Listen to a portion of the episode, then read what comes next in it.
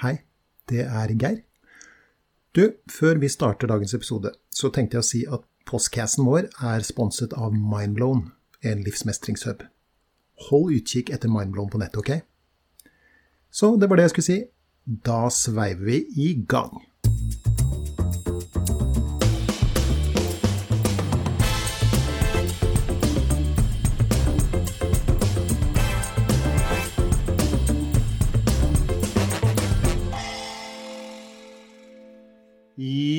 Da, da er vi jaggu meg i gang igjen. Tenkte jeg skulle prøve en litt annen lyd når vi åpnet nå etter en lang, deilig påskeferie, Geir.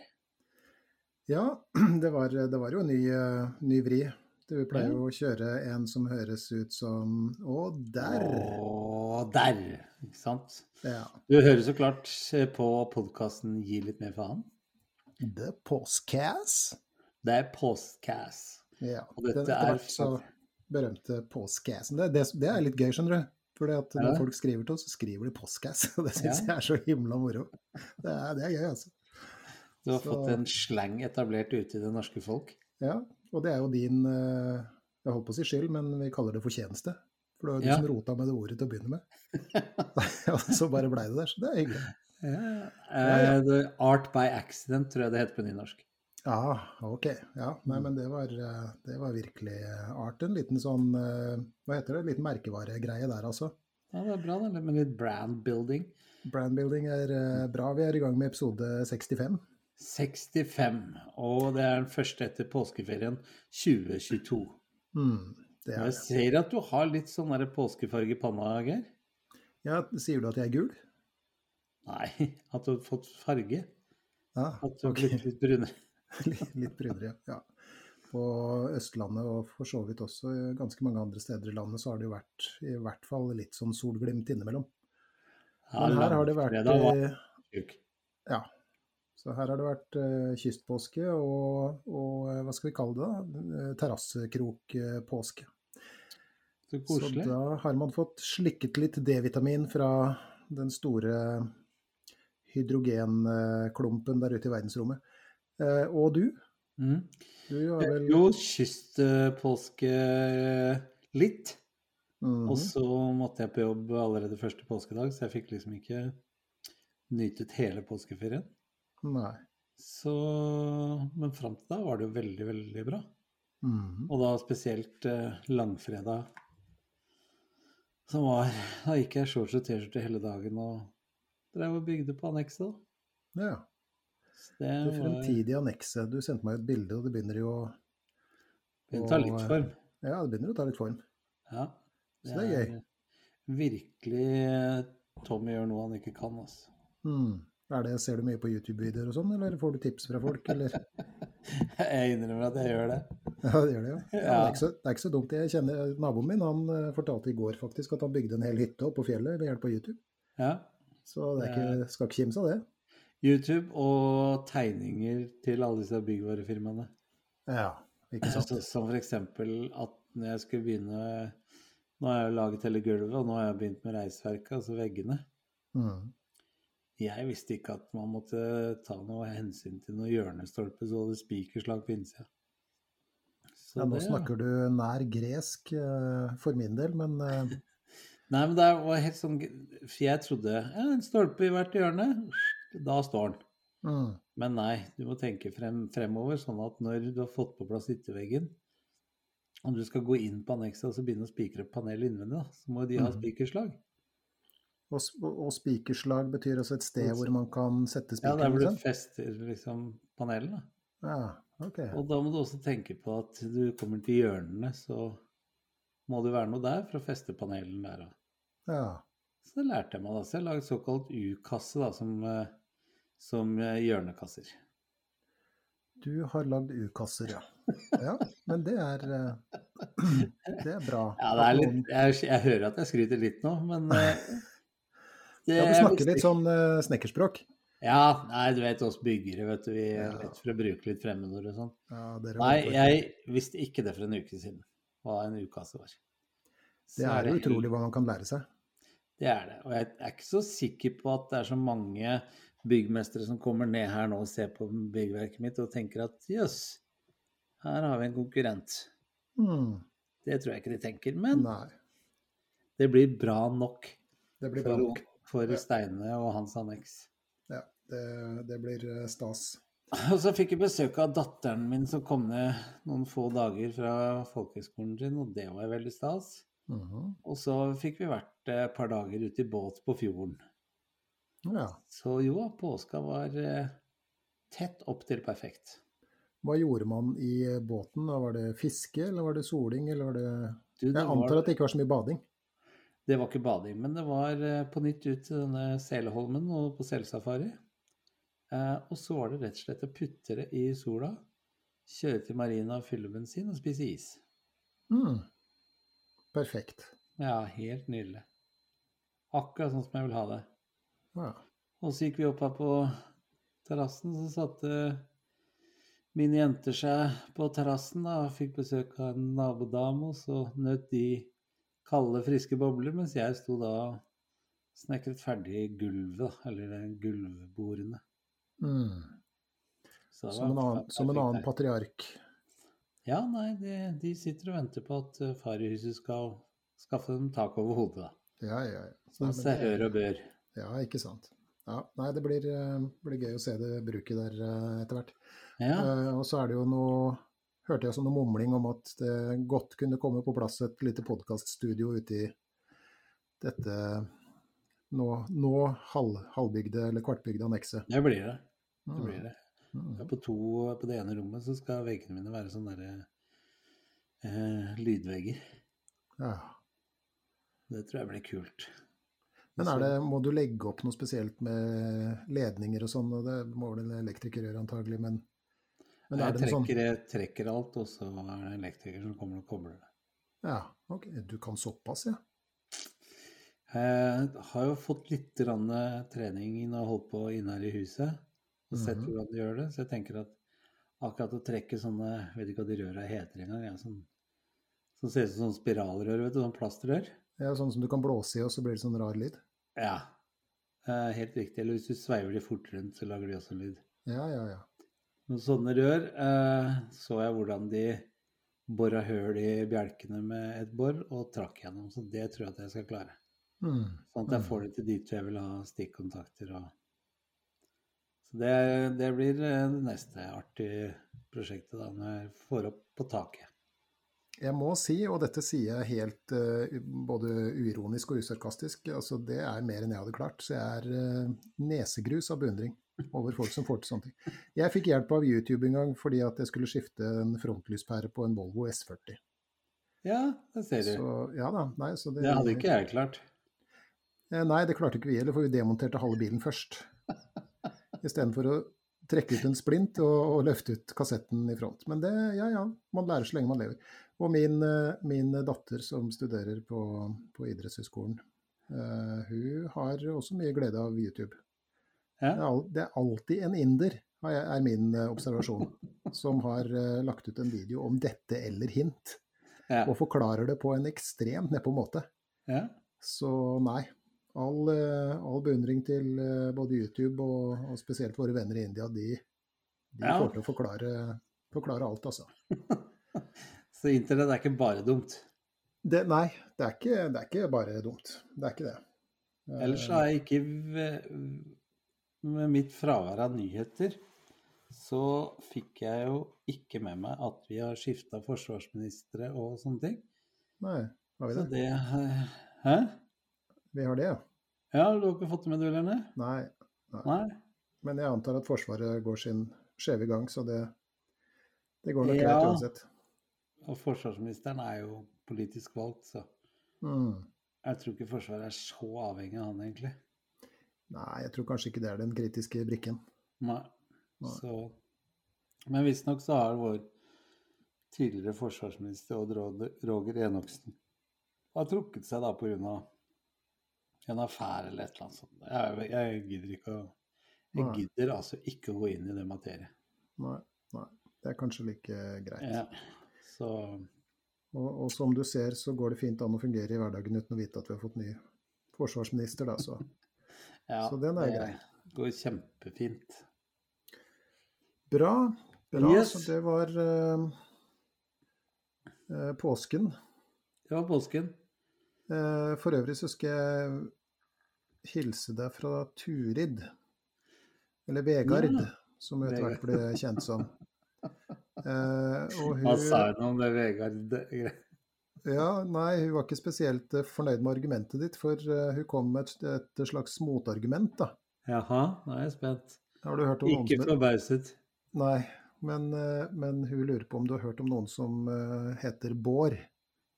Ja. Du har hørt om det? Ja. Ja. Ja, ja. Ok. Bår? ja. bår. Seriøst? Bare bår uten det. Nå bløffer du, det er ingen som kaller seg det. Nå må du være forsiktig, Geir. Det er mange der ute som heter Bård. Ja, da vil jeg at. Bård da, da må Bård sende en e-post til oss. For det tror Jeg jeg, tror, ikke jeg, noe tror det, det jeg tror faktisk det er sønnen av Sigurd. Tosk. Ja, ok. Debatten raser videre. Ja. Sigurd. Ja, ok, greit. Ja. Nei, hun var ikke spesielt fornøyd med det. Men uh, Nei, du får hilse Ja, for så Turid. ja, jeg skal, skal gjøre det. Si at jeg skal skjerpe meg. Ja, det er bra. Det er bra. Hilsen Tommyt. Nei, den er, den er for tynn. Ja, det er den. Ja. Nei, jeg, jeg veit ikke hvorfor jeg sa den engang. Nei. Men du, nok om har vi skravla mer. Det sitter folk der som er, ikke har med påskemarsipan eller noe igjen og lurer på når vi skal komme i gang. Og jeg er litt spent, for nå er vi jo eh, heldigvis, det er ikke heldigvis, men eh, jeg syns det er spennende. Vi er tilbake i dypdykk i Jordan B. Peterson. Mm. og nå er det jaggu ikke lenge til han kommer heller. Nei, det kom jeg på akkurat da du sa det nå. Ja, For det har jeg nesten glemt litt. Grann. Men eh, han kommer jo til landet 6. juni, eller han skal i hvert fall snakke 6. juni. Og du har fått eh, billett dit. Det har jeg, og det tror jeg du har òg, eller? Jeg kjøpte det. Ja.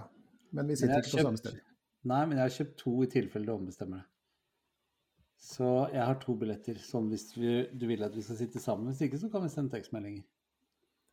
Ja, Så det gleder jeg meg veldig, veldig, veldig til. Men Det gjør eh, det er ekstra morsomt å sitte ved siden av deg. Det var det forrige gang òg. Mm, mm. Jeg var ikke sikker på at våre døtre hadde det samme utbytte. Nei, akkurat den sesjonen var jo en litt underlig sesjon, det skal sies. Og han var litt tung òg. Han var litt tung den dagen. Han Ja. hadde sovet dårlig. ja, og dagen etter så var det jo et helt annet show. Ja. Det Så var nå det. er jeg skikkelig spent. Jeg har jo um, Jeg hører støtt og stadig på en og annen sånn episode, når jeg, særlig hvis jeg liksom ja, Si vasker huset, da. Mm. For det tar jo litt tid. Og Mm. episodene hans er jo Ja, de er jo nærmere to timer ofte. Mm.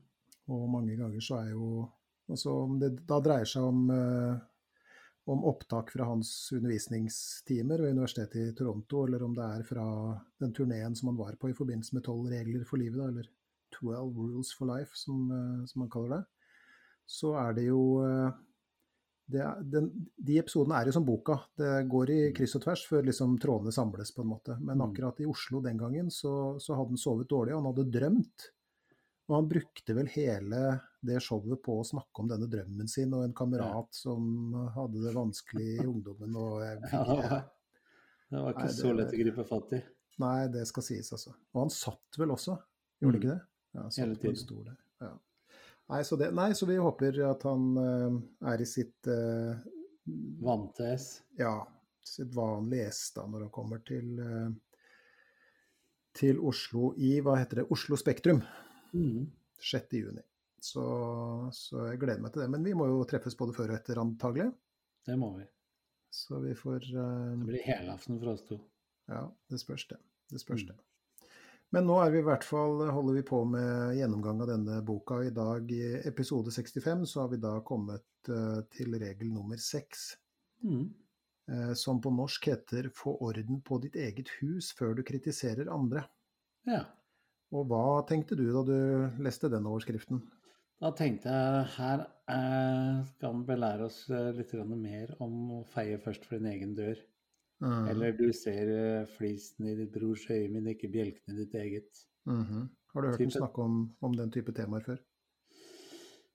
Nei, eh, ikke, ikke jeg fikk meg en liten overraskelse over at kapitlet handlet om litt annet enn det jeg trodde. Ja. Mm. Det, det, gjorde jeg også. For vi har jo vært vant til å høre han snakke bl.a. om, om uh, dette med å ta um, ansvar for sitt eget liv før du forsøker å forandre verden, eller i det hele tatt uttale deg om verden. ikke sant? Uh, mm. Og det var vel kanskje det som også ja, Rent bortsett fra hans uh, indignasjon da, over et lovforslag borti, uh, borti Canada, så, så, er det vel dette med å liksom re opp senga si og starte med rommet sitt og skape Det snakker han for øvrig om i den, i den uh, nye boka. Gjør han det? Ja. Der har han et kapittel som handler om det å gjøre det vakkert rundt seg, på en måte. En slags sånn avart av dette med å re opp senga di og rydde rommet ditt, på en måte. Ja. Um, men jeg trodde også at, at, dette kapittelet skulle handle om det, men det handla da også uh, altså om noe helt annet. Mm. Dette er et kapittel om Og som han pleier å kalle det, en meditasjon. Og jeg mistenker at det er hans litt sånn unnskyldning for at han er litt uh, Han er litt på Hva skal vi kalle det? Mm, ikke ville veier, men, men at han uh, har noen sånne digresjoner. Litt ute og flyter? Ja, han er litt ute og flyter, og han går litt forskjellige veier. Men mm. det som er litt ålreit med han også, da, er jo at han, selv om han assosierer mye, og sånt, så henter han seg inn og, og knytter alle trådene. Da. Det gjør han alltid. Eh, ja, det gjør han alltid. Så, så det skal han ha. Men det trodde jeg Det tror jeg da er hans Hans bruk av ordet meditasjon er nok en slags sånn forklaring på at han, han eh, snakker litt sånn over, overalt. Men det sier han jo også at når han er rundt og snakker, så, så vet han temaet, men han vet aldri hva han skal snakke om. Så han sier jo da at når han holder foredrag, f.eks. Jeg hørte bl.a. et foredrag som han hadde holdt for Oxford, for så, altså Oxford University for ikke så lenge siden. Og da var han jo også over hele, hele eh, fjæra. Og, og, det er jo en sånn uh, han, han, tenker høyt sammen med publikum. Mm. Eller foran publikum, da. Uh, og han, det er mulig at han gjør seg til jeg, jeg, vet ikke. Men han sier at han lærer vel så mye sjøl som uh, det publikum har, har, glede av å høre. Da. Så, men dette ja, er i hvert fall Det tror jeg litt på. Jeg. Ja. Jeg, jeg, tror, jeg, tror, på han litt, fordi det er jo som vi har snakket om før, så er det jo én ting hvordan ting er inni ditt eget hode, og tanker du tenker ut. Mm. Og så skal du formidle de tankene. Og så er man jo faktisk overgitt til hvordan det oppfattes av den som hører det budskapet. Mm. Og det er klart da med å ha den posten åpen eh, med publikummet sitt, så tror jeg jo på at det er en slags type videreutvikling av den tanken, da. Mm. Eller den meningen, eller men, hva det måtte være. Det er jo en slags sånn risiko, risikosport. Altså, du er jo en erfaren uh, skal vi kalle det, formidler, da om vi kan mm. kalle det det. Uh, og jeg holder jo foredrag, og jeg har jo ofte et manus på et vis, da. Ikke sant? Mm. Altså jeg vet hva jeg skal snakke om. Mm. Så, så det, det, er, det, skal jo litt sånn mot til. Å bare bestemme seg for et tema, og så gå på scenen og, og, og surre rundt og ikke ja, riktig vite. Jeg vet ikke helt om jeg ser på det sånn. Et risikosport Ja, det er risikosport hvis du er redd for at det skal føre fram til ting som ikke du har tenkt ut på forhånd. Mm. Altså hvis man ikke har en oppfølgingsspørsmål, eller hvis man har et svar eller noe sånt noe. I den, den scenen så skjønner jeg hva du mener med risikosport, men eh, i hvert fall for meg, og det har vært i min karriere, så har jo det vært eh, noe av selve indrefileten. Mm -hmm. At eh, jeg vet hvilke ting jeg kan tulle og tøyse med. Og jeg har skrevet noen vitser eller poenger, eller hva man skal kalle det. Men måten jeg kommer fram til dit på, er jeg aldri redd for, og det syns jeg ikke er noe risiko. Sånn at, mm. uh, Det opplever jeg når du og jeg snakker mye sammen også. Så er det sånn Å, i dag skal jeg spørre Geir om det. Og så alt det som leder fram til det selve spørsmålet, eller det eventuelle svaret som jeg trenger av deg, det syns jeg bare er um, det syns jeg, jeg, bare er det som er det fruktbare, da. Så, ja, for det kommer jo ofte mye fram ja. uh, i tillegg, på en måte, eller som kan utdype det, eller som kanskje leder uh, oss, da, hvis vi har en samtale inn på nye veier og, mm, og, ting som vi ikke har tenkt på før. Så det er en slags sånn høyttenking uh, sammen. så der tror jeg han gjør meget bevisst, og jeg tror på når han sier at han lærer vel så mye av det.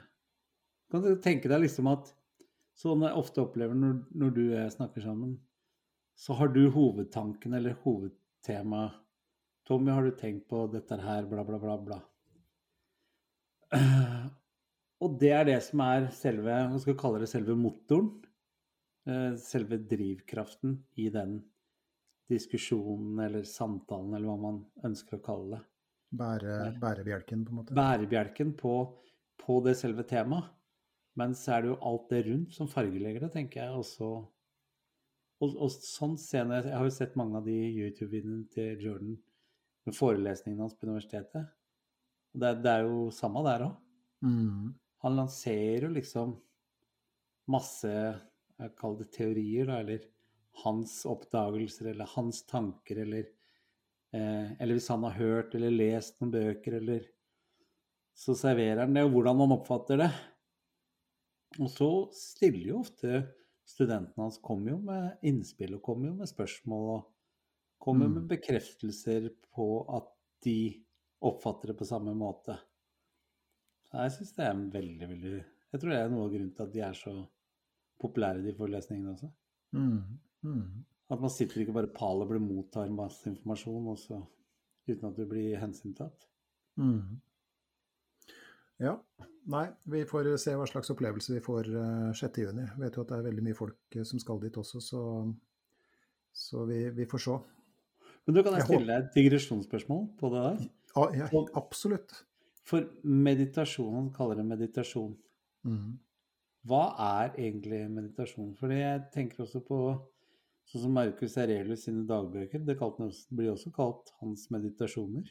Mm. Det er riktig. Um, ja, Og jeg trodde meditasjon var en be benevnelse for når du drev og mediterte. ja. Litt sånn Ramalama Ding Dong-meditasjon, Ja. på en måte, ja. Um, ja. Nei, etter, etter hva jeg har uh, forstått, og det er, her er antagelig en grov uh, forenkling, da, men, men meditasjon er å rette oppmerksomheten mot noe. Ah, Så, så, og, og der kan man jo si han har sine ord i behold, da. absolutt. For han, han retter jo sin oppmerksomhet mot et, mot et gitt tema, Ja. og så undersøker han det, på en måte. Ja. Han holder jo fast i det. Litt som bjære- bærebjelken som du akkurat snakka om, da. Mm.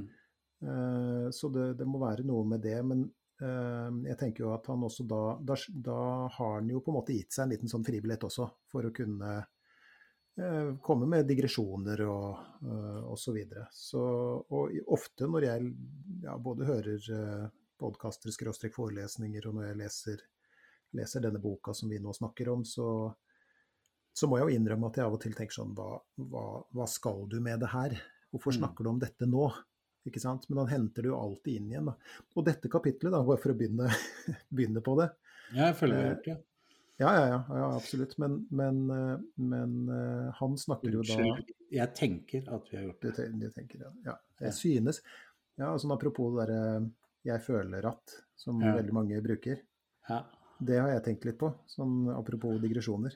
Ja. ja. Eh, fordi at hvis jeg hører på TV-en og sånn, da Jeg så på Hva heter det? Det derre Kompani Lauritzen her forleden. ja. Så var det noen som sa Jeg føler at vi har gjort en god jobb med å vaske rommet på morgenen, eller noe sånt. Og så tenkte jeg ok, der har vi den der følinga igjen. Ikke sant? Men det jeg tenkte var at strengt tatt så kan du erstatte ordet føler med synes. Ja. Ikke sant? Jeg synes at vi har gjort en god jobb. ja. Men, men, men sånn har språket vårt blitt, da, og det er jo greit nok. Selv om jeg er en av de som kanskje blir litt sånn åh, gud bedre. Men, men eh, problemet er at hvis du erstatter ordet føler med synes, eller i verste fall mener, ikke sant, så er du Da stiller du deg litt sånn åpen for hogg, da. ja. Men du beskytter deg litt hvis du sier 'jeg føler', for ingen kan jo fortelle deg hvordan du skal føle. Nei. Men det er et erstatningsord for synes i veldig mange tilfeller. Bare legg merke til det. Ja. på TV-en. sånn Hvis noen føler ditt, føler så, så prøv å erstatte ordet oppi huet ditt med synes, så, så henger det på greip med en gang. Ja, jeg skal begynne å bruke det mer sjøl, da. Synes? Ja, jeg skal øve på å si synes istedenfor føler. Ja, ja, ja. ok. ja. Da Jeg prøvde, har prøvd å bytte ut det nå veldig mye med tenker. tenker ja. Mm. Ja. ja. Det er selvfølgelig bare en eh, idiotisk hangup uh, fra, fra min side, men uh, ja, ja. Noen hangups skal man ha. Men OK, så meditasjonene da over, uh, over dette temaet, så bare for å repetere tittelen 'Få orden på ditt eget hus før du kritiserer andre'. Han starter dette kapittelet med å snakke om en kar som heter Carl Pansram. Carl mm. Pansram. En, altså, sønnen til noen innvandrere fra Øst-Europa borti USA. Født i 1891, eh, han Carl Pansram her. Det er lagd bl.a. en dokumentar i hva var det for noe, 2020 eller 2021 om denne karen. da. Som da var seriedrapsmann, voldtektsmann, overgriper, innbruddstyv, brannstifter og ransmann. Uh, det her var en kar som uh, ja, var litt vanskelig å kontrollere for foreldrene. Og så, gjorde han mye gærent, da. Så alt fra å stjele fra foreldrene til å bryte seg inn i hus, og helt fra ung alder. Så det var jo åpenbart en litt sånn antisosial personlighet ute og, og gikk der. Og han endte da opp i institusjon som ganske ung. Ni år, ja. tror jeg. Da han kom på sånn straffeanstalt, og de var jo litt hardere klypa på den uh, tida der. Uh, og ble veldig uh, bitter på det, og, og brukte da sin ja, Og havner jo etter hvert i, i regulært fengsel. Eh, og på andre straffeanstalter hvor han da opplevde å få grisehjuling og bli seksuelt misbrukt av, eh, av vokterne og i det hele tatt, ikke sant. Altså ting som ikke skal eh, skje. Men hans bitterhet mot verden var det han skal vi si, brukte som en slags forklaring, da. skråstrek unnskyldning, for måten han forholdt seg til verden og sine medmennesker på. Han endte vel opp med å drepe 28 mennesker til slutt, tror jeg. Såpass, ja. Og, og, og, voldtok over 1000 uh, menn. 1000? Uh, ja, etter eget utsagn, da. Og, og ved, ved, henrettelsen så skal han ha sagt uh, til sine bødler, da, skulle henges. Få opp farta, jeg kunne ha drept ti mennesker på den tida dere bruker. Ikke sant? Faen meg.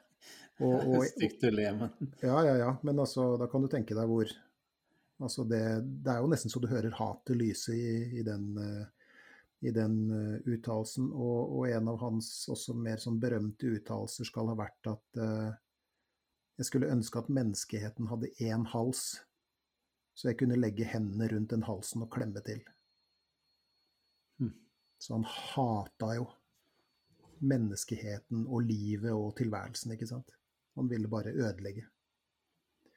Some men just want to see the world burn, er noen som uh, sa en gang. Gudene veit hvem det var. Men, uh, men, det er sagt. Og han, uh, i kapittelet så snakker han da også om en litt Hva skal vi kalle det? mer moderne utgave. Det var de ungdommene som utførte den skoleskytinga på Columbine mm. High School. Det husker vi jo godt. Mm. Uh, masse, masse, unge mennesker som ble uh, skutt og drept. Og disse drapsmennene, de la jo ut et manifest hvor de snakka om sitt hat mot verden og mot menneskeheten.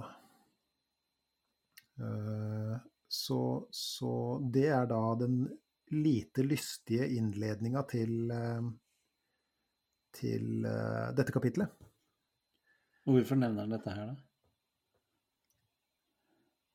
Han nevner det her, eh, og det må jo en del lesing til for å forstå hvorfor han nevner det.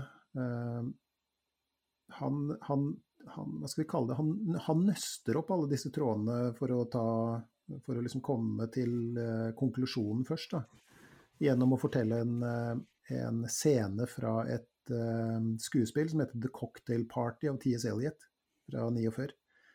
Der avslørte jeg alderen min. 49, som det heter i våre dager. 1949. Um, hvor, hvor det er masse karakterer, da. Ikke sant? Som er i et selskap, og så er det en psykiater der og en, en dame av noe slag. Som da, denne dama kommer da bort til denne psykiateren uh, og forteller at uh, hun ikke har det spesielt bra i livet sitt. Da. Hun er på et skikkelig dårlig sted i, i livet sitt. Um, Og så sier hun til denne psykiateren jeg håper at det er noe gærent med meg. Og psykiateren blir jo ganske forbløffa over en sånn uttalelse og, og, lurer på hvorfor i huleste hun, hun eh, sier noe sånt. Hvorpå da denne kvinnen svarer eh, slik ser jeg på det. Enten er det noe galt med verden, og hvordan skal jeg kunne få gjort noe med verden? Eller så kan jeg håpe på at det er noe galt med meg, sånn at jeg kan lære meg hvordan jeg kan gjøre noe med det. Og det er, eh, er eh, Skal vi kalle det dit han vil lede oss med dette kapitlet. Mm. Fordi at er det noe galt med verden, og det er verden som er skyldig, altså verden og andre mennesker eller noe i den retninga der, eller livet selv med stor L, mm. som, som, på en måte har ansvaret for hvordan jeg har det, ja, hva skal du få gjort med det, da? Nei. Du får ikke gjort en skit med det. Men det denne dama i The Cocktail Party håper på, er jo at Men kanskje hvis jeg ser på hva jeg kan få gjort noe med det, så så, um, så er det kanskje håp i hengende snøre, på en måte. Mm. Har du noen tanker om det? Jeg syns det er veldig, veldig kloke ord. Jeg tenker jo at er det en av de tingene som jeg har lært meg mest av de seneste årene, hvor jeg tør å påstå at unge Steinar har blitt hakket mer moden, da, så er det vel uh, dette her med at uh, man kan jo skylde på absolutt alt og alle for at man har det sånn som man har det. Ja, og, no, og noen ganger så er det på en måte også en god grunn til det. Ja, ja, ja. Ikke sant? ja og, og, mange ganger er det det. Jeg sier ikke at det aldri ikke skyldes det. Men det hjelper liksom ikke. Mm, mm. Så hvis jeg skulle si at uh, nei, grunnen til at jeg er som jeg er, er fordi jeg har hatt den oppveksten som jeg har hatt, så er det ikke noe vanskelig uh, for folk å si ja, hvis du har opplevd sånn, opplevd sånn, opplevd sånn, så skjønner jeg godt at du tenker sånn. Mm. Så det er ikke noe vanskelig å få, få aksept for den uh, i anførselstegn ansvarsfraskrivelsen, da, hvis du skjønner hva jeg mener. Mm, mm. Men det får meg allikevel ikke videre til neste, til neste trinn. Mm. Og det her, et, det her, er jo et, tema som Unnskyld. Det her er jo et tema som ikke sant, altså Jf. Carl eh, Pansram her, da, og, og, og disse drapsmennene på Columbine osv. osv. Så, så vi har så da virkelige eksempler på det her, men vi har også eksempler fra, fra litteraturen da, på, på, dette temaet. Um, og ja, vi snakker om all mulig litteratur, bl.a. også Bibelen, hvor, hvor, eh, Husker du den kanskje med et Jobb? Han Bare for å ta en kjapp uh, kjapp uh, ja, Nå kan jeg ikke noe norsk ord for recap. Hva er det for noe? Kjapp gjenfortelling. Gjenfortelling. Gjenfor, ja, bra. En kjapp gjenfortelling av, av den uh, historien. Så er jobben fyr som har alt han har en fin kone og fine barn, og han har masse tjenere og dyr i massevis og et flott hus og i det hele tatt. Og så går det ikke bedre enn at uh, huset raser sammen over hele familien.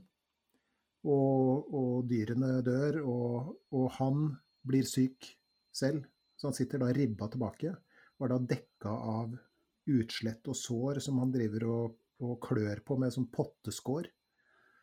Og, og, historien om jobb er sånn at gjennom, det, gjennom den historien da, så kommer det stadig folk til jobb og så sier ja, men herregud, du har mista alt, stakkars deg.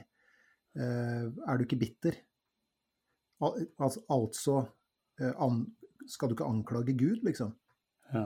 Hvorpå jobb, jobb sier at nei, dette er, min, dette er min historie. Dette er sånn livet mitt ble. Jeg nekter å mm. anklage noen. Så han sitter nå der og klør seg til blods, og, og, stadig i løpet av denne historien så kommer det folk og setter seg rundt den og, og fremfører det samme budskapet. da. Ja, men vær så snill å være et offer. Det er sånn som jeg leser det, i hvert fall. Mm. Eh, mens han sier nei. Jeg, jeg, kan ikke anklage noen for det her. Jeg nekter å gjøre det. Og så går jo historien sånn at uh, han får alt tilbake på mystisk vis, da. Ikke sant? Men det er jo en, det er jo en fortelling. Det er, en, det er jo ikke en historisk det er ikke en dokumentar. Ikke sant? Det er en symbolsk historie. Ikke sant? Han får alt tilbake gjennom å nekte å innta den uh, offerrollen. Og igjen fra virkeligheten, da, om vi kan kalle det det. Selv om man kan si at historier er, eh, er virkelige på sin måte, så, så husker du også han som heter Aleksandr Solzjenitsyn, han som skrev denne boka som på engelsk heter The Gulag Archipelago. eh, Hvor, hvor, hvor Aleksandr Solzjenitsyn Dette var en bok han skrev inn i huet sitt. Den er på over 2000 sider. Men han, han satt i, i um, sovjetisk fangeleir i årevis og sulta og frøys, og det var tvangsarbeid, og det var liksom ikke måte på. Det var jo folk døde som fluer rundt den. De spiste blant annet, Jeg har lest den der boka der, og de, uh, han forteller at hvordan uh, de annet spiste leire bare for å fylle magene med noe. Altså, tenk deg det. Sitter og stapper leire inn i kjeften for å i det hele tatt få følelsen av å ha noe i magen, liksom.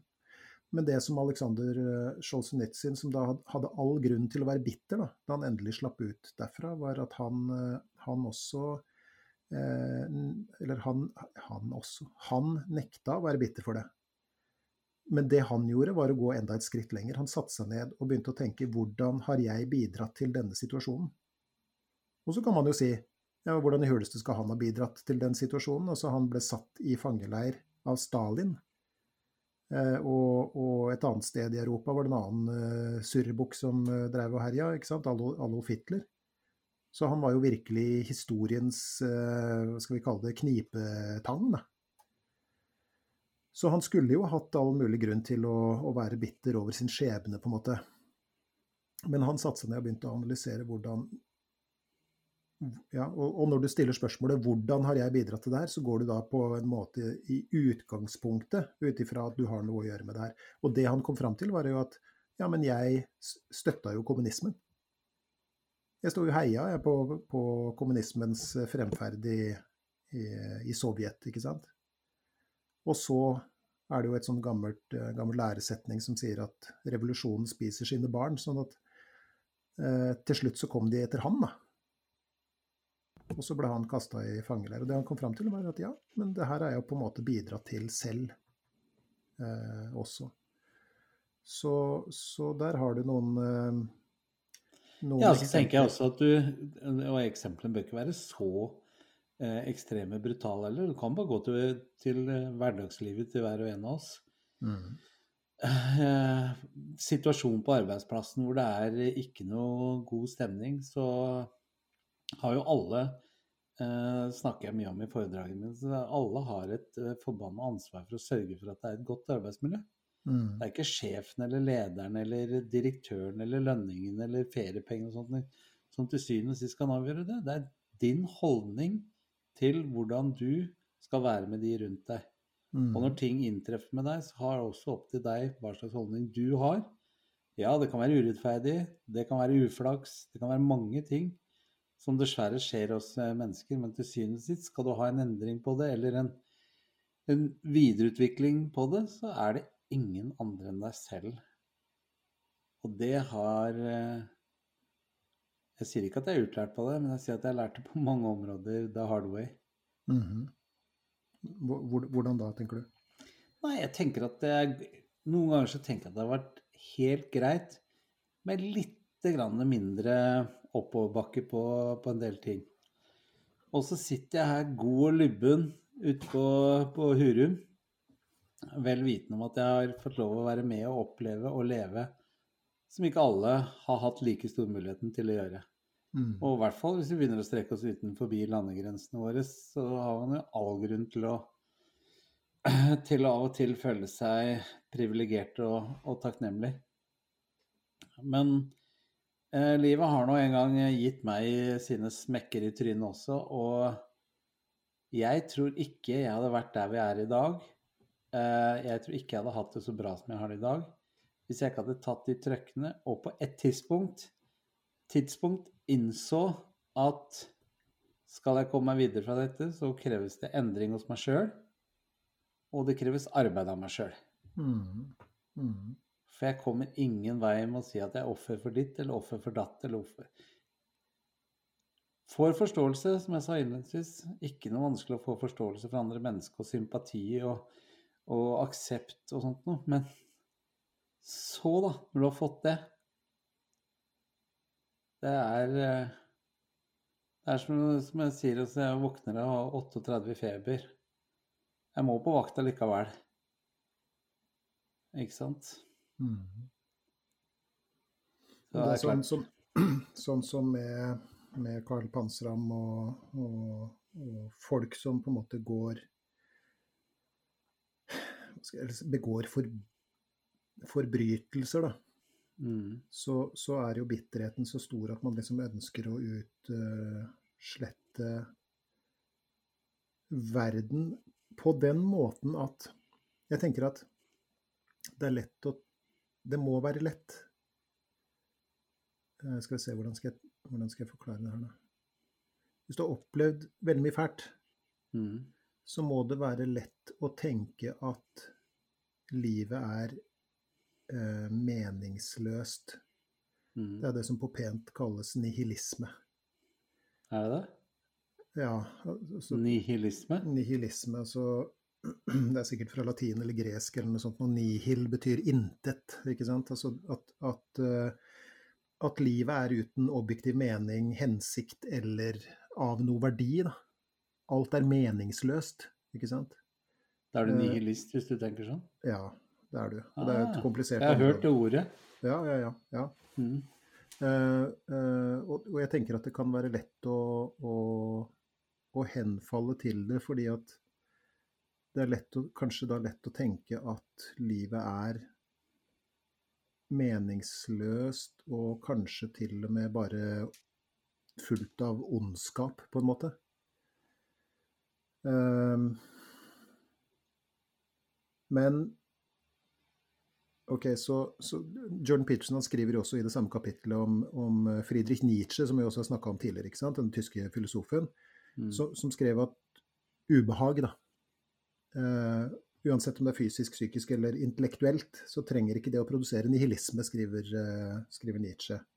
Mm. Uh, og spørsmålet er, hva mente han med det? Jo, han mente at folk som opplever ondskap og tragedier, absolutt kan ha et ønske om å bringe det videre på andre. Ikke sant? Eller på verden, for den del, å og, og hevne sin bitterhet. Ikke sant? Mm. Hvis du skjønner hva jeg mener. Men Jeg har en lyd i øret her. Nei. Naboen driver og skjærer stein, så vi får bare håpe at ikke det eh, slår inn, men det spiller ikke noen rolle. Vi får ta det som en slags oppmerksomhetstrening. ja, det er det. Men altså, fordi vi har jo hørt eksempler på type som eh, Ja, men det er jo ikke noe rart vedkommende har hatt en så dårlig barndom, f.eks. Ikke sant? At det er en slags sånn uh, forklaring der, da. Uh, men det Nietzsche mener her også, er at eh, det er også mulig å utlede det gode fra det onde. Ikke sant? Det å bruke sine erfaringer som et slags sånn omvendt mål, da. Mm. Sånn skal ikke jeg bli. Disse tingene skal ikke jeg gjøre. Og f.eks. når det gjelder Når det gjelder eh, Hvis du ser på eh, forskninga på folk som eh, misbruker barn, eller mishandler barn for den del, Mm. eh, så, så, er, så sier statistikken at eh, veldig mange som misbruker barn, ble selv misbrukt som liten. Mm. Men, og her er det et sånt gigantisk men som veldig ofte ikke tas med i, i, i betraktninga, de aller fleste av de som ble misbrukt som barn, misbruker ikke barn. Nettopp. Ikke sant? Det er det jeg hadde lyst til å kommentere. Ja.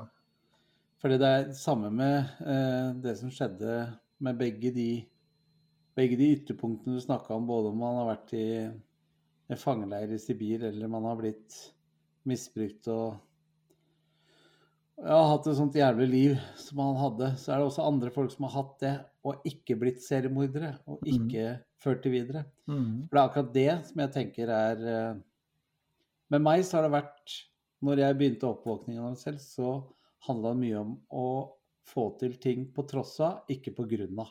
Mm. Mm. Så det har liksom vært et sånn nesten litt sånn mantra for meg. Eh, mm. Sånn at eh, hvis jeg sa jeg skulle bli jeg skulle bli en av de eh, største, mest kjente komikerne i Norge, Og alle sa til meg ja, lykke til, liksom. Det er ikke mulig å få til. Og det er kjempevanskelig. Det er bare folk som gjør sånn og sånn, som klarer å få til det. Så ville jo jeg få til de tingene på tross av hva folk trodde var mulig. Mm. Men jeg kunne godt gitt opp eh, pga. hva folk sa. Mm. Så for meg så har det mye handla om motivasjonen å ha, handle på tross av, ikke på grunn av. Og det, Ja, så- og det er det. Ja. Så, så det jeg tenker da når du sier det, da, er jo at, at du forsøker Altså, vi kan jo se på ditt ønske om Selv om det selvfølgelig er mer sånn sammensatt enn det, da, så, mm. så kan man jo også se på det at det at du da ønska å bli denne berømte komikeren med masse penger og sånn som det er, at det var en, en slags uh, mestringsstrategi og en slags hevn, da. Det har du Mm. snakka litt om før. Og hevn er Mm. kanskje litt sterkt ord, men du skjønner hva jeg mener. ja, ikke sant? Ja. Uh, Men en slags sånn ha-ha, nå skal dere få se. Du, Ja, sa, jo, du sa jo en gang som, noe som gjorde inntrykk på meg, for du sa at uh, um, og, og nå må du hjelpe meg, da. For Mm. nå, nå tar jeg det etter hukommelsen, men du sa noe i retning av at um, du ønska å liksom bli kjent, Mm. sånn at du ikke skulle hilse på de som hadde vært kjipe med deg. ja. Ikke sant? Jeg skulle ikke huske de. Ja, ikke sant? Når de kom og ville liksom si ja, alle husker vi gikk på skolen sammen, sånn, så skulle jeg kunne si nei. Nei, ikke sant. Og bortvise de på samme måte som jeg innbilte meg at jeg hadde blitt bortvist, eller Ja, eh, ja. Eller, eller som du faktisk hadde blitt utestengt og bortvist. ikke sant? Mm. Så, så den er jo reell. Men det som jo også er kult, er at da du oppdaga at den skal vi kalle det strategien da liksom bar hul, mm. så la du om. Ja. Så valgte du en annen vei som høres ut som om den har funka bedre for deg. da, Hva tenker du? Absolutt. Absolutt. Og, det, og det, det var den andre tingen jeg skulle si til eh, Nå er jeg så opphengt i å så høre etter de tingene, så sånn, husker jeg ikke Hva het han massemorderen, sa du? Carl Pansram. Ja, Panstram, ja. Ikke sant. Han er ekstremt bitter, han er ekstremt såra, han er ekstremt skada. Han altså Altså det er ikke noe problem fra enhvert psykologisk vinkel å se at dette her er en person som har blitt så skada at det skulle bare mangle at ikke han ble sånn og sånn. Mm. Midt oppi det, eh, selv om jeg skjønner at det er vanskelig og, og kanskje noen ganger umulig, midt oppi det så handler det om at OK, jeg skal hevne meg på verden. I mitt tilfelle så er det jeg skal hevne meg på de som har vært slemme mot meg. Mm. Og eh, jeg fikk muligheten til å fullbyrde da, la oss kalle det hevnen, da. Mm. Jeg fikk jo mulighet til å få fullbyrdet den hevnen og kunne avvise eller utestenge. Og det gjorde jeg ved et par få tilfeller. Men det førte jo ikke til at jeg fikk det bedre. Nei. Tvert imot så vedvarte jo da den sårheten, den bitterheten, den eh, hevntankene. Det vedvarte jo. Men når jeg valgte å gjøre det det motsatte, så forsvant det. Og, og hva, hva mener du med da du valgte å gjøre det motsatte? Hva legger du i det? Ved å ikke eh, ja. Skal vi ta et eksempel sånn som det er lettere å forstå? da. Så er det sånn, Hvis det var en person som jeg følte var mye stygg med meg når jeg gikk på skolen Når jeg blei en, en Det høres så kleint ut å sitte og snakke sånn, men jeg, på et tidspunkt så var jeg jo eh, et ganske kjent tryne, da, ikke sant, pga. alt av TV-programmer og alt sånt noe Mm. så er det jo en gang sånn at det får mye oppmerksomhet fra folk hvis du er et kjent tryne. Så disse som kom, eh, som jeg overhodet ikke hadde noe til overs for eh, når jeg var ungdom Når de kom og hilste på meg, eller eh, skulle se 'Husker du vi gikk på skole sammen?' og 'Jeg visste at du kom til å ende opp her, og du var alltid en sånn som var gæren', ikke sant? så visste jeg inni meg at eh, det her er bare bullshit. Det her, her eh, syns jeg var en stor dust når vi gikk på skole sammen, så de har aldri likt meg før. Nå skal de plutselig like meg fordi at jeg er en kjent person. Men det gjorde jeg, så sier jeg ja, stemmer det. Vi, ja, ja, ja. Å ja, så du gikk i den klassen? Ja, herregud, hvilken lærer. Og så tok jeg det som å sørge for at de kanskje syntes de hadde en bra opplevelse. da, at at Tommy Steine huska at han hadde gått på skole sammen med de, eller ikke sant. Så fikk de en positiv opplevelse med det, Mm. og det gjorde jeg òg. Mm. Mm. Litt sånn Vente det andre kinnet til, eller det er kanskje ikke riktig referanse, men litt sånn Jeg skulle jeg ikke synke synke ned på deres nivå.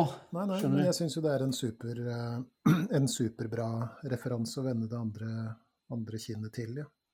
Men hvis jeg hadde vedvart den hevnen, hvis jeg hadde vedvart den bitterheten Mm. Og det er jo som jeg har sagt til deg før, bitterhet det er, handler jo bare om å drikke gift og håpe at andre dør. Mm. Ikke sant? Det er bare meg det plager. Mest sannsynlig så kanskje mange av dere ikke kan husker at de har sagt en stygg kommentar til meg, eller husker at jeg ikke jeg ble invitert på et bursdagsselskap, eller eh, Ikke sant? For det er jo min fokus. Mm. For alt jeg veit i verden, så kan så, De plages ikke at jeg plagdes med de tankene i det hele tatt. Ergo så måtte jeg jo sørge for at jeg ikke fortsatte å slite med den bitterheten. At jeg fortsatte å slite med de hevntankene. Og at verden er urettferdig, og det er alle andres skyld og sånt noe. Mm. Først i de Og jeg sier ikke at jeg klarer det alltid nå, eller langt ifra. Men jeg klarer det mye oftere eller i større grad enn jeg gjorde før. Mm. Og jo uten unntak så gjør det meg bedre enn å vedvare de der negative, vonde, dumme offertankene. Ja, det er herregud, jeg får så mye tanker nå at du ikke tror det engang. Det er så bra. Eh, Jeg tenker på 'Greven av Monte Cristo', husker du den boka fra Mm. barndommen? Denne karen som ble ja, uskyldig dømt og satt på en fangeøy og, Ja, ja. og, og, og, greide å rømme og hevne seg på sine fiender. Men jeg lurer på hvordan 'Greven av Monte Cristo' hadde det etterpå. Det er ikke sikkert at hevnen var så var så ålreit. Og, og, og, og det her er jo igjen, da, det er jo et litterært tema, og noe som igjen da sier oss noe om at herregud, venn deg til litteraturen, liksom, for å finne ut hva det vil si å være menneske. Eh, jeg, i påska, jeg har en sånn, du vet, du vet til jul så ser man julefilmer. Jeg har, jeg har påskefilm også, Ja. og det er uh, Mel Gibsons uh, The Passion of the Christ. ja, det er vanvittig bra film. Ja, det er en veldig, veldig bra film. Og i år så så jeg den med nye øyne. Eh, ja, jeg så den med litt uh, andre øyne. Jeg tror jeg har lest så mye om det her med, med hva skal vi si, den, det historier forsøker å fortelle oss, da. Eh, og, og annet når, når da Jesus henger på korset der, så, og rett før han dør, da, så sier han Far, tilgi dem, for de vet ikke Mm. hva de gjør. Ikke sant? Og, det, og det, er jo, det er jo litt det samme jeg hører liksom ekko av i din historie her. Også det med å vende det andre kinnet til. Og, og så er det også et annet eh, For å holde oss til Bibelen, da, så er det jo også et annet sitat som sier de, de saktmodige skal arve jorden. Mm. Og, og det er jo også noe han eh, Jordan Peterson har eh, analysert litt fram og tilbake. Og visstnok, og det her skal ikke jeg stå inne for, men visstnok så i den gamle eh, hebraiske eller til og med arameiske eh, originalteksten, så, så handler det noe om at Eller så, så, så sies det på en annen måte, uh, visstnok, da. Det, Mhm. Og dette er igjen fritt etter hukommelsen, men det er noe sånt som at den som eier et sverd og vet hvordan han skal bruke det, men lar det for, forbli i slira, den skal arve jorden, på en måte. da, ikke sant? Mm. Og arve jorden, ja, gudene vet hva det skal bety, men, men, eh, men, men gjør noe bra. Kan være en aktør i verden, på en måte. Og, og hva betyr det? Jo, det betyr at Og det er litt sånn som med tanke på det du sier nå, da. At du forsøkte Altså, du, du har jo erfaring med å skulle være grusom tilbake. Mm. Det ga deg ingenting.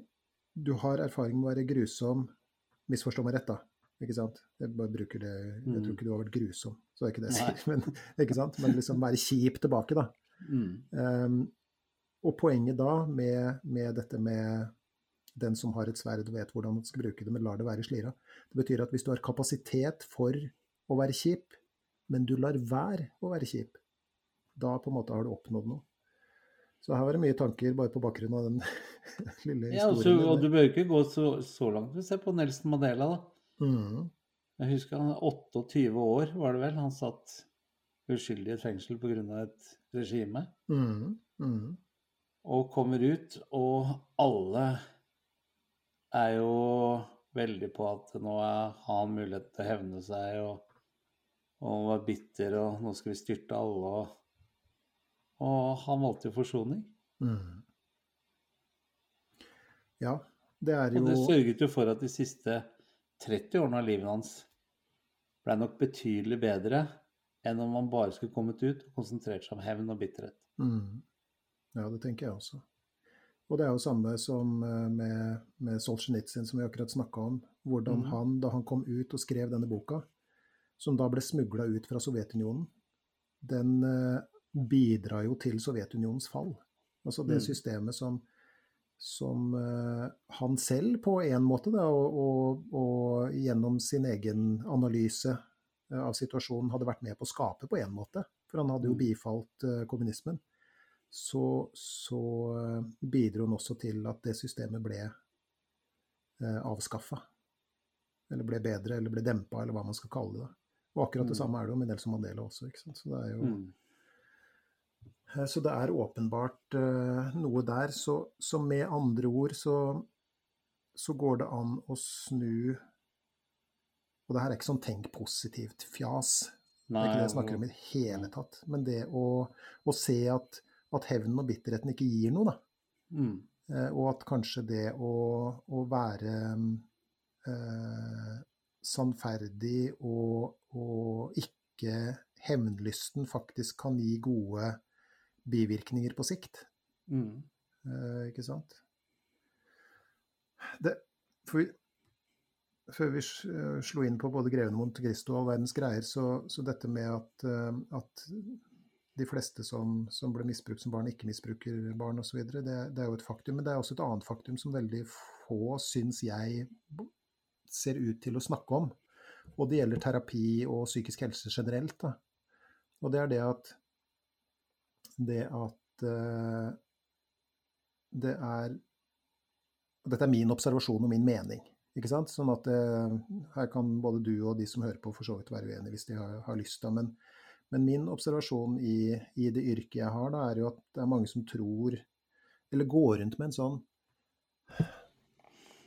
Skal vi kalle det Går rundt med en slags sånn sannhet oppi huet, da, som går på det her med at hvis du har hatt en dårlig barndom, en dårlig oppvekst, så betyr det liksom per automatikk at du skal at du liksom er dømt til et liv i elendighet som voksen, med, Mm. med psykisk uhelse osv. Men det er ikke tilfellet, og det har jo terapiforskning også øh, bekrefta. Det er, og, og igjen som litt til foreksempelet, da, så det er mange som har hatt en dårlig barndom som plages. Men de fleste som har hatt en dårlig, dårlig barndom, plages ikke. Og, og der, og, og på grunn av denne litt sånn sannheten, da, som antagelig stammer fra Freud og der omkring, så, er det, så spiller det også inn på de, mange, veldig mange av de menneskene jeg treffer i litt sånn klinisk eh, sammenheng. for det Mm. veldig mange av de som kommer på mitt kontor, de har hatt det strålende. Strålende, Ja, men ikke sant, du skjønner hva jeg mener? Det er liksom, Ja, de, har jeg ikke, de har ikke mangla noen ting. De har hatt eh, kjærlige foreldre og, og vokst opp i relativ eh, trygghet og, og, og hatt mat i magen og ingen slo dem og sånt noe. Og nå så er de godt gift, har 2,3 barn eller hva man har, og stasjonsvogn og bikkje og alt mulig sånt som det er, og likevel så har de det kjipt. Og det kan bli en sånn kilde til Skal vi kalle det litt sånn eh, ekstra selvanalyse, ikke sant? Hva er det nå med meg som, Jeg har ikke det å skylde på engang. Ja, ikke sant? Eller, Ja. eller i verste fall så kan man da komme over en terapeut, eller man kommer på det sjøl, at liksom, det må ha skjedd meg noe jeg ikke husker. Og Ja, ikke da er man altså ute å kjøre. For det har man jo ingenting å stille opp med, ikke sant. Og det er altså noe av det mest grusomme jeg, eh, jeg hører. Men jeg tenker også, hvis du tenker litt sånn Jeg tenker rare ting. Som alle andre. Ja. Men jeg tenker det ligger også en, en, et lag til der, da. Fordi at hvis du har, da, hvis du skal holde oss til dette her med folk som har hatt en dårlig eller vond oppvekst, Mm. og de fleste av de går det bra med. Mens veldig mange av, også blant de det ikke går bra med, har jo hatt en eh, ikke perfekt, da, men en realt sett problemfri oppvekst. Mm. Og da er jo det laget også at ja, men hvis du har hatt det, så har du jo ikke lært å få like tykk hud, da. Du har ikke møtt like mye motgang. Du har ikke hatt like mye kjipe stunder. Som jo, med positivt fortegn, gjør at du blir sterkere i mange tilfeller. Ja, Vi har vært inne på livserfaren, eller hva man skal kalle det. Ja, men vi har jo snakket om dette her også med, med posttraumatisk stressyndrom, at det også er noe som heter posttraumatisk vekstsyndrom. Mm. Ikke sant? Og jeg tenker på mange av de tingene som har skjedd meg med li i, i livet det Nå er jeg blitt 52 år. Eh, ville jeg jo hvis jeg sa ah, det skulle jeg ønske jeg aldri opplevd, det skulle jeg ønske jeg aldri opplevd, fy faen, jeg skulle ønske jeg slapp det. Men da hadde jeg jo ikke vært der vi er i dag. Mm. Mm. Ikke sant? Så, så det laget kommer også men det har jo gjort at jeg Jeg flytta hjemmefra da jeg var 15-16 år, ikke sant. Så måtte jeg bare brette opp ermene og finne meg jobb og sånn. Det gjør at når jeg kommer i situasjoner sånn som når pandemien nå inntraff, og plutselig hele min karriere stoppet opp, eller alle for alle oss i showbiz, så tror jeg faktisk at jeg hadde hakket mindre noia enn de som ikke hadde opplevd det før. Mm. Men jeg har bretta opp og jobba masse jobber før jeg som jeg ikke syntes var helt supre. Men jeg måtte jo tjene penger. Jeg hadde jo leilighet som jeg, ingen hjalp meg å betale ikke sant? da jeg var 18-19 år. Mm. Måtte jo finne en måte å tjene penger på. Jeg jobba som bokselger, stått på gata, stoppa folk i øs pøs regnvær og spurt om de har lyst til å kjøpe et leksikon til 7000. Mm. Ikke sant? Skal ha den gutsen for å gå bort og så stoppe de folka. Mm. Så når pandemien inntraff, og det her vet jo du, for du og jeg diskuterte veldig mye hvordan vi skulle gjøre det de første dagene etter at pandemien inntraff. Og så blei det jo jobbe på Kiwi. Vi fikk Mm. til alt det greiene med, med å jobbe for, eh, for Nav med å prøve ut masse nye yrker, ikke sant. Jeg jobba plutselig i bobiltikk, og ikke minst var det også det som førte at jeg til slutt begynte å jobbe i barnevernet. Og jeg, fordi jeg var ikke lammet av at nå sto jeg der og ikke visste hva jeg skulle gjøre. Mm. Fordi jeg har opplevd det mange ganger før. Mm. Ja, og det, er- det er jo det som er litt eh, det paradoksale. Og igjen, så, så det her handler jo ikke om å liksom Ja, men bare tenk positivt, det kommer nok noe godt ut av det her, bla, bla, bla, bla, bla. ikke sant? Det er ikke det det handler om i det hele tatt. Men jeg er veldig sånn enig med deg. fordi at det er også For det første så er det jo eh, også en observasjon fra mitt eget liv. Eh, men, men, eh, men det er også en observasjon fra eh, det yrket jeg har nå, da. Fordi at jeg kan Og det er, det er eh, veldig ofte at vi, når vi da nærmer oss avslutning på en eh, kan kalle det sånn veiledningsforløp, da, Mm. eh, hvor, vi, hvor vi sitter og Det er et veldig sånn godt tegn når man begynner å snakke litt mer om løst og fast enn det som Mm. på en måte er problemet. Og, og, og, eller det kan være et veldig dårlig tegn at man sitter og, og, prøver å unngå temaet, men, men som oftest ikke, da. Eh, Det, det merker man ganske fort. Men, men, eh, men som ofte så blir man jo da sittende og snakke litt sånn løst og fast i den eh, avsluttende timen og sånt noe. Og, og da, da hender det veldig ofte at jeg spør sånn Du, OK, nå, nå er du på vei eh, Ja, hva skal vi si da Ut av en det som, som eh, du har beskrevet som en sånn kjip periode. Hva tenker du nå om, om det, det du har vært oppi, og fremdeles sant, er oppi, men, men du, har, du har begynt å liksom, si, reorientere da, da, som vi ofte har snakka om tidligere også. Eh, Og ting er ikke fullt så svart. Det kan være veldig vanskelig og sånn fremdeles, ikke sant. Men, men hva tenker du om den perioden du, du nå liksom er eh, Hvor du ikke sitter liksom med begge beina i myra, men kanskje opp til ankelen med den ene foten, på en måte. Eh, Ja. Og da, det er på vei opp trappa. ja, på vei opp trappa, liksom. Og, og da er det ekstremt ofte at folk sier at Vet du hva, jeg er faktisk glad for at dette skjedde. For det har lært meg noe. Mm. Ikke sant? Og så kan man jo tenke ja ja, det er sikkert bare sånn hverdagsproblemer, bla, bla, bla. ikke sant? Eh, men, men det gjelder også folk som da har kommet med ganske heftige ting. da. Og det betyr ikke, og det må jeg nesten bare presisere flere ganger her, at det betyr ikke at man liksom skal, skal tenke at det alltid er en gryte med gull i enden av regnbuen, ikke sant? Det der fjasegreiene der. Men, men greia er at uansett hva som har skjedd, uansett hvem som har skylda for det som har skjedd, og ofte så kan vi være helt sakesløse selv, og i hvert fall hvis noen har påført oss noe som barn eller ungdom, ikke sant? Og det trenger ikke være de mest uh, groteske tingene, men altså Eh, ikke sant? Alle de tingene som kan eh, skje oss av, av smått og stort. Da. Så uansett hvem som har skylda, hva som har skjedd, du sitter jo her med regninga. Mm. Hva nå? Ikke Mm. sant? Det er jo et betimelig spørsmål å stille. Mm. Um, Fortida er som den er, og nag og bitterhet, sånn som du sier, da, det går jo Mm. bare utover oss eh, selv. Men Mm. nåtiden, og ikke minst framtiden, den er jo din. Mm. Hva skal du gjøre med det? Ikke sant? For det, ja, ja, man kan sitte og, og, og, og tenke at eh, det var både synd og fælt, og kanskje til og med straffbart, og alt mulig sånn det som skjedde enten for kort tid siden eller, eller for lenge siden. Men det endrer jo ingenting. Nei. Det er som det er, ikke sant? Du får Eh, ikke det ugjort. ugjort. Nei, ikke sant. Og, og, og alle, tenker jeg, både som hører på og, og du og jeg, vi kjenner noen som samler på krenkelser. Som har en sånn Mm. liten svart bok hvor de bare liksom skriver ned alt som noen har sagt eller gjort, eller, eller, eh, eller noe sånt noe. Og det eneste en sånn svartebok, da, les bitterhet, ikke sant, eh, sikrer, er at man da låses fast i sin egen offerrolle. Eh, og, og synet på seg selv som den eh, krenkede, da. Mm. På en måte. Og av og til så er man jo det også. Og det er jo, og, så, men sånn er det. Men hva nå? Mm. Så, så Og det er litt sånn som du sier, sier da, eh, litt sånn indirekte eh, nå, så sier du noe om at liksom Ja, men ingen kan unngå lidelser og krenkelser. Nei. Eh, Det er dessverre, og, og ja, kanskje til og med heldigvis av og til, da, en del av, av uh, livet. Mm. Uh, men én ting bestemmer du, altså hvordan du skal håndtere og forholde deg til, til det du har opplevd, det du opplever, og det du kommer til å oppleve.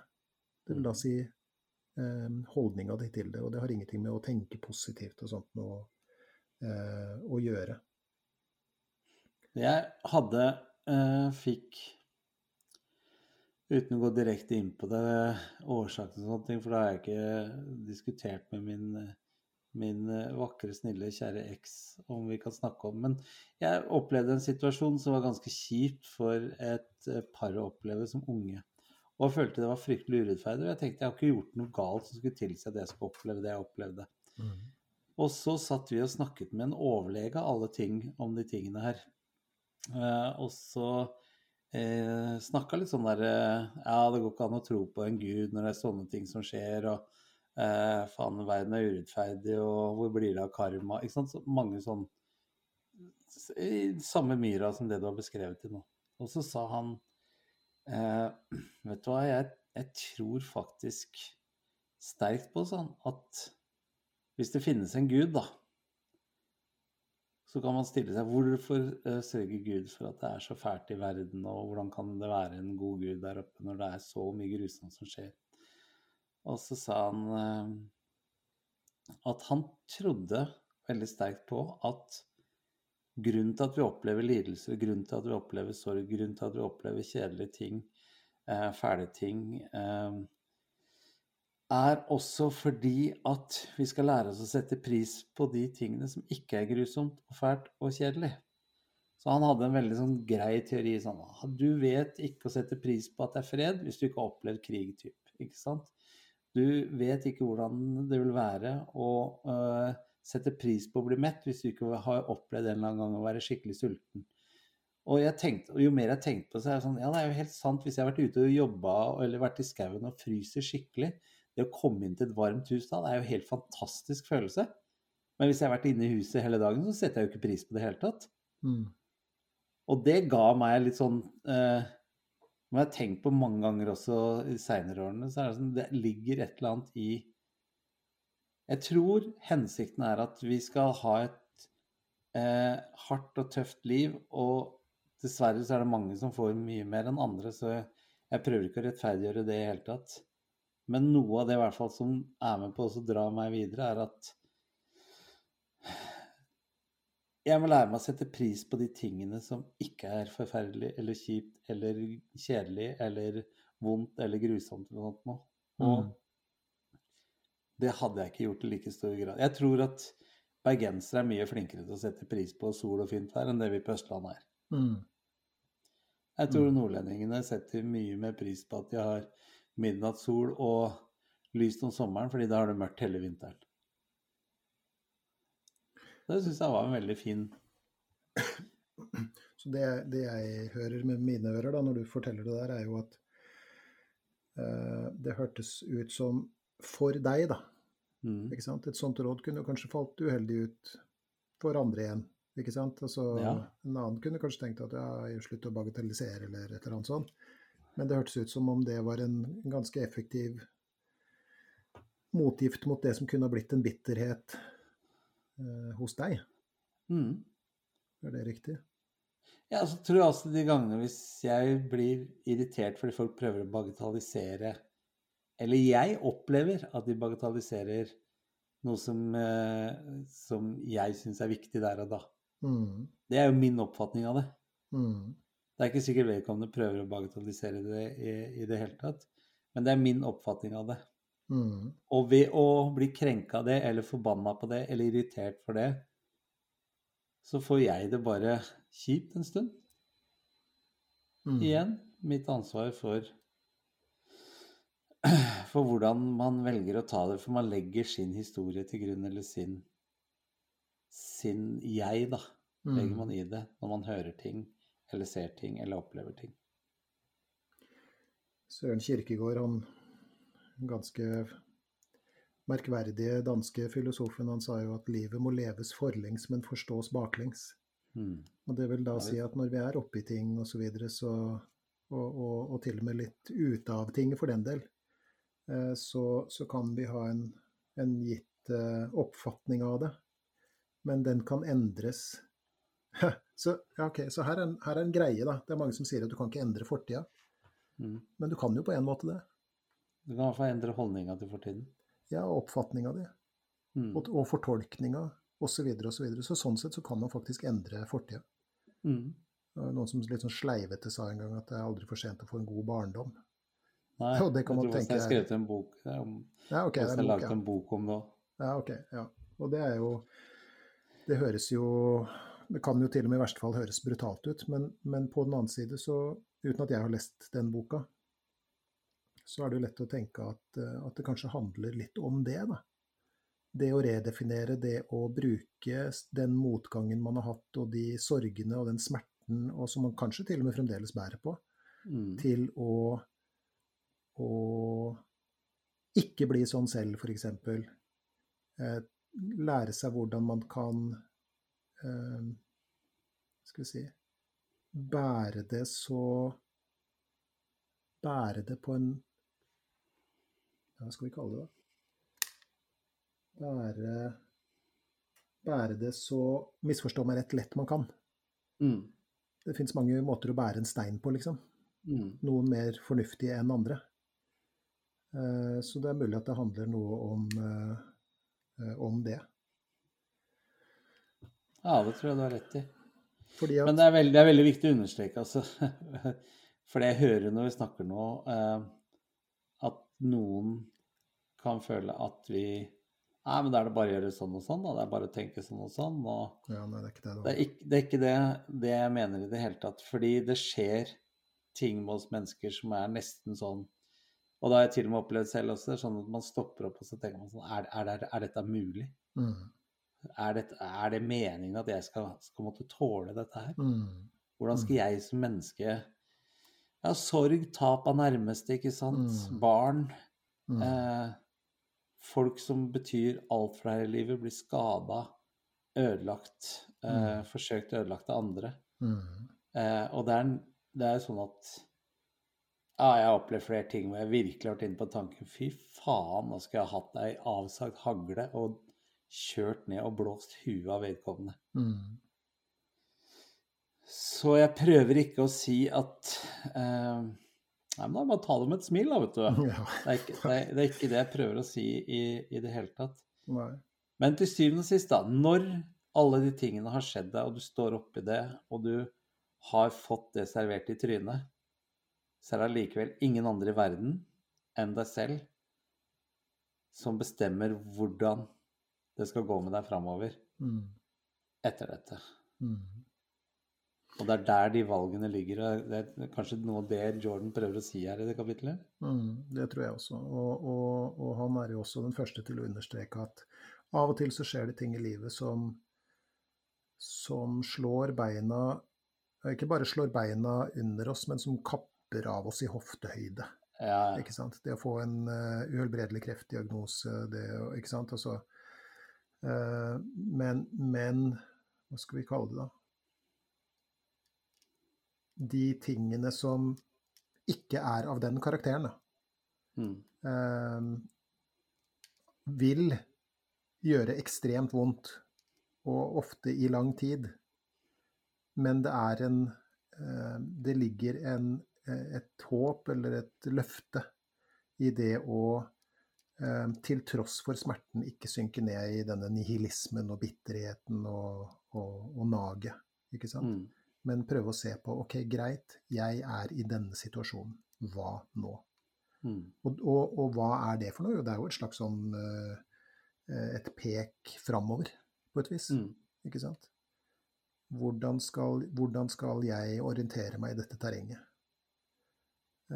Så, så, det er det dette uh, kapitlet handler om. Han snakker jo om han kaller, Hva er det som er undertittelen på denne boka? Jeg har den, skal vi se. Nei, nå har jeg den engelske. 'Twelve Rules for Life, an Antidote to Chaos'. Altså en motgift mot kaos. da. Mm. Og det er jo det som er når, når, ting skjer oss, eller vi er på mørke steder, så er vi i et slags kaos. Og han prøver å peke på områder og ha disse meditasjonene, skråstrek diskusjonene, Mm. Hvordan kan vi peke en vei eh, i retning mot orden? Eh, så det er det han, eh, han prøver på med dette kapitlet. Ja. Så ja. Det er vel det som er å si om det. Vi kunne snakka mye mer om det. Vi kunne snakka om det metakognitive perspektivet der. Vi kunne snakka om noe vi har nevnt litt før, dette med uh, litt sånn problemløsningsskjema osv. For å skape nettopp oversikt i kaos osv. Men nå ser jeg at vi er på en time og 16 minutter, så det er vel kanskje på tide å begynne å, å, avslutte. Her tror jeg vi kunne snakke om i tre timer til. Ja, det tror jeg også.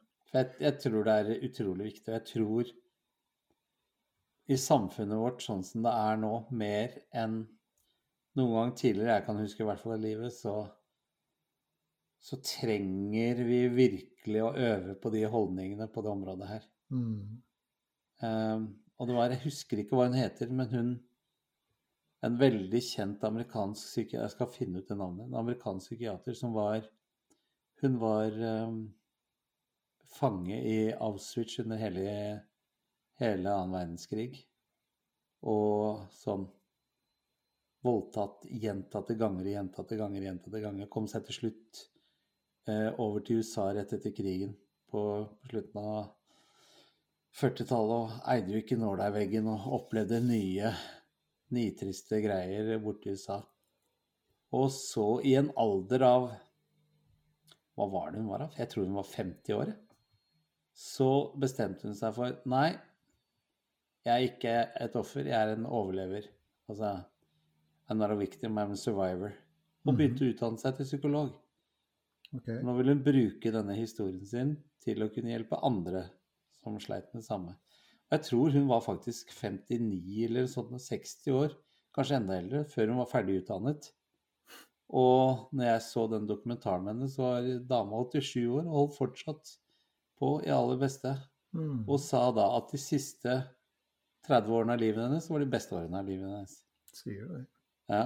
Så hun hadde liksom hatt 40-45 år av livet sitt som hadde vært et helvete, da. Mm. Eh, men sørga for at de siste 40-45 ble de beste. Mm. Yes. Jeg, skal, jeg skal, prøve å få tak til deg det navnet på en dame, for er, den dokumentaren var bare helt magisk. Ja, kan du ikke gjøre det? Har, jo, og det har jo, du har jo tvunget meg, så jeg sitter jo og leser om dagen eh, bok av en annen herremann også som har vært i i konsentrasjonsleir ja, eh, og finner måter å overleve på.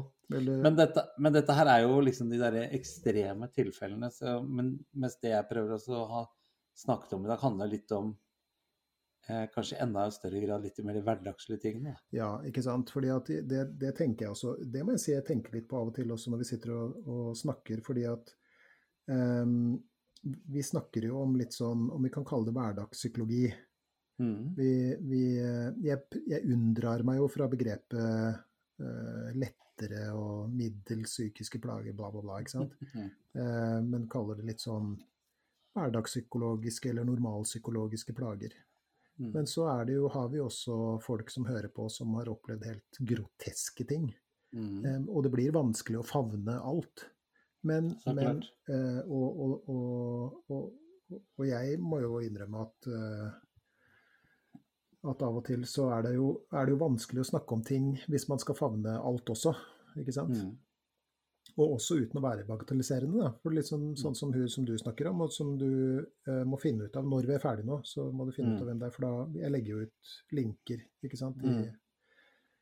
i, på Facebook og, og på disse podkastplattformene også, så det er veldig interessant, tror jeg, å ha, å ha med det. Mm. Eh, eller sånn som han eh, ja, Hva heter han eh, herren jeg har plaga deg til å lese nå? Frankel. Hva? Frankel. Viktor Frankel, ja. Ikke sant? Mm. Eh, eh, eller Solzjenitsyn, eller Nelson Mandela, ikke sant, bla, bla, bla. Eh, det, er, det er, lett å tenke at det er sånn Ja, men det går bra til slutt. Ja, men bare snu det til noe positivt, osv. ikke sant. Og, og at det mm. blir et slags sånn krav, da. Mm. Men det er det jo ikke. Det er jo, men, men det, for det det handler om, uansett om man heter Aleksandr Solzjenitsyn, Nelson Mandela eller Kari Olsen eller Per Svendsen, så, så handler det om For meg, både som menneske og som, som eh, behandler, så handler det jo om å peke framover. Mm. Og håpe på at det blir litt lettere å bære. Ikke, ikke, at det skal forsvinne. Og der er vi litt sånn inne i diskusjonen med tanke på ungdom også. Altså hvor mye snakker vi om livet, da? Mm. Hvor mye snakker vi om, om, hva man må regne med av lidelser? Ikke mm. sant? Uh, og det har vi jo, sånn som jeg ser det, nærmest, nærmest slutta med. Så ja, ja. ja ikke, og ikke minst det at uh, hva er prisen vi må betale for å prøve å fjerne all ubehag for neste generasjon? Mm. Hva er prisen de må betale? Mm. Er det kanskje at uh, ikke er like hardhuda og krum i nakken mm. når det when the going gets tough, eller hva det sier for noe på nynorsk? Mm. Men så tror jeg også en viktig ting som Fordi det har jeg tenkt mange ganger, så er det sånn Ja ja, Nelson Mandela, ja ja, Viktor Frankel, ja ja, ikke sant. Mm. Uh, alle disse Det er jo supermennesker. Mm. Det er det ikke det. Nei. Det er helt, helt vanlige mennesker mm. Som har bare valgt en annen holdning enn det man kunne forvente at de skulle ha. Mm. Og det har alle vi muligheten til også i hverdagslige ting som miljøet på arbeidsplassen eller i, i venneflokken eller i familielivet, ikke sant. Det er helt vanlige, små, hverdagslige eh, utfordringer. Så har vi også valget på hva slags holdning vi skal ha til det som inntreffer. Mm. Og eh, jeg kan ikke si det for ofte. Det er fullt forståelig at hvis noen sier noe slemt eller er stygg mot deg, eller sånt, så er det fullt forståelig at du blir Eh, lei deg, at du får vonde følelser i kroppen, negative tanker. Det er helt forståelig og, og fullt ut akseptert. Men det vil ikke føre deg videre til neste skritt. Mm. Etter den umiddelbare reaksjonen, tenker du på? Ja. Den vil man jo få uansett, ikke sant? Ja, ja. Å herregud, jeg, jeg lar meg ikke pille på nesa, så jeg kan svare for meg og har vært i slåsskamper som ung òg, jeg, har sovet små bagateller, så jeg, jeg sier ikke at Og jeg huter med neve og finger i, i, trafikken og sånn før jeg får summa meg, jeg. Mm. Så, men jeg opplever likevel at de få gangene eh, hvor jeg klarer å stoppe opp og ta et skritt tilbake og tenke, så får jeg det Går det mye fortere over, og jeg får det bedre. Mm. Så, så, en slags sånn uh, Ja, eh, avsluttende oppsummering fra meg også, da. Og fra Mm. et, fra et behandlerperspektiv, av det nær sagt. Så jeg også tenker sånn at ja, det, det er mye i livet, smått og stort, hvor vi vil reagere i kortere eller lengre perioder og ha det fælt. Ikke Mm. sant? Eh, men det som jeg ofte ser på min oppgave, er å bidra til på min lille måte, og så er det jo den personen jeg sitter sammen med, som da må gjøre den jobben Mm. men å bidra til at det ikke blir fælere enn det må være. Mm. For av og til så må det være det. Eh, Mm. Og at det ikke er fælt lengre enn det må være. Mm. Hvis du skjønner hva jeg mener. Og noen ganger så må Mm. det være fælt veldig lenge også. Ikke Ja, sant? ja. Men, men det er noe med, med, med bevisstheten rundt det her. Så der er jo våre meditasjoner over hans meditasjoner, så jeg vet ikke. Men eh, ja, så sånn er det. Såkalt metameditasjon, dette altså. Ja, meditasjon i annen, Ja. kanskje. Så Nei, men det- det, det er gull. Da kom vi i mål på det kapitlet her òg, da. Jeg skulle vel tro det, selv om vi kunne snakka dobbelt så lenge, tror jeg. Men det er vann under brua, som vi sier. Det gidder vi ikke å bruke tid på. Men du, hvis de skal sende oss eh, noe elektronisk post, hvor skal de sende det? Det, det var det også en som eh, skrev her forleden. Jeg må bare fortelle. Det kom en, Ja. eh, e-post fra en uh, artig dame. Og hun skrev jeg tar, jeg tar med den friheten å sende elektronisk post. Og så står det i parentes jeg tør ikke å kalle det noe annet. Så det var ja, så det, det Men det var Da må jeg si jeg humra i barten. Ja. Eh, Ja, nei, elektronisk post er, eh, er eh, hyggelig. Ris og ros, og ikke minst forslag. Trykk gjerne på Ja. abonner-knappen i din foretrukne podkastplattform. Det koster Yes. absolutt ingenting, men hjelper oss til å synes der ute. Gjør det, gjør det, gjennomfør det. Ja, det syns jeg at, at man kan. Mm. Og, og så er vi jo da pinlig nok på både Facebook og, og hva heter det, det andre? Veit ikke. jeg Instagram. Instagram. Ja. Vi er ikke på TikTok ennå, da. Og kommer aldri dit heller. Så den er grei. Men send elektronisk eh, brevpost til gi litt mer f at gmail.com. Gi litt mer f i ett ord. Jeg vet ikke, jeg. Tannhjul. Gmail.com. Det er så deilig at det er ikke noen nedre grense. Nei, det er liksom bare Alt går nå. Bare det er rundt, liksom. Ja, Eller, eller er- rimer på krøll eller et eller annet. Så her begynner vi å skrape bånd og kassa, men det får bare være. Og så ville jeg bare tillegge at vi har faktisk produsert en episode tidligere, episode 21, som har tittelen 'Bitterhet og nag'. Mm. Eh, Så det kan jo være verdt å, å lytte til også, som et lite apropos til denne, denne historien. Da. Og så må vi sende en hilsen til eh, et lite utrop til hun som hjelper oss med å få den podkasten her på lufta. Ida i Trondheim, ja. Ja, ja. vi må ha et lite utrop til henne. Vi sender en liten hilsen til eh, Ida, som har lært seg alle disse greiene som skal til for å klippe sammen lyden vår og legge på vignetter og greier. Hun er eh, en av de som er i Mindblown. Mm. Så, så man kan jo sjekke ut mindblown.com og se på de også på Instagram, hvis man har lyst. Så Nei, det er en flink dame. Jeg skal eh, oppover til Trondheim øh, 11. mai, 12.-13. mai Mm. Øh, i de dagene der, og da skal jeg bl.a. treffe Ida, da.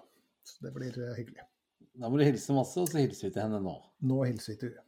Takk for hjelpa, Ida. Takk for hjelpa. Ja, da snakkes vi snart igjen, da, Geir. Vi gjør det, og med mindre vi får, eh, får noen forslag inn i vår elektroniske brevpostkasse, så kan jeg da gjennom å ta en rask kikk i boken fortelle at vi skal gå gjennom regel nummer syv. Søk det meningsfylte, ikke det egennyttige. Hva nå det skal bety. Det er mye fine ord. Veldig bra kapittel. Ja, det er det, ja. Ja, Jeg husker det veldig bra. Veldig bra kapittel. ja. Man snakker mye om mening og sånn, ikke sant. Så nei, men det gleder jeg meg til. Så det blir eh, stas. Da snakkes vi snart. Skulle ikke forundre meg. Lykke til med annekset. Jo, takk. Ha det. Ha det.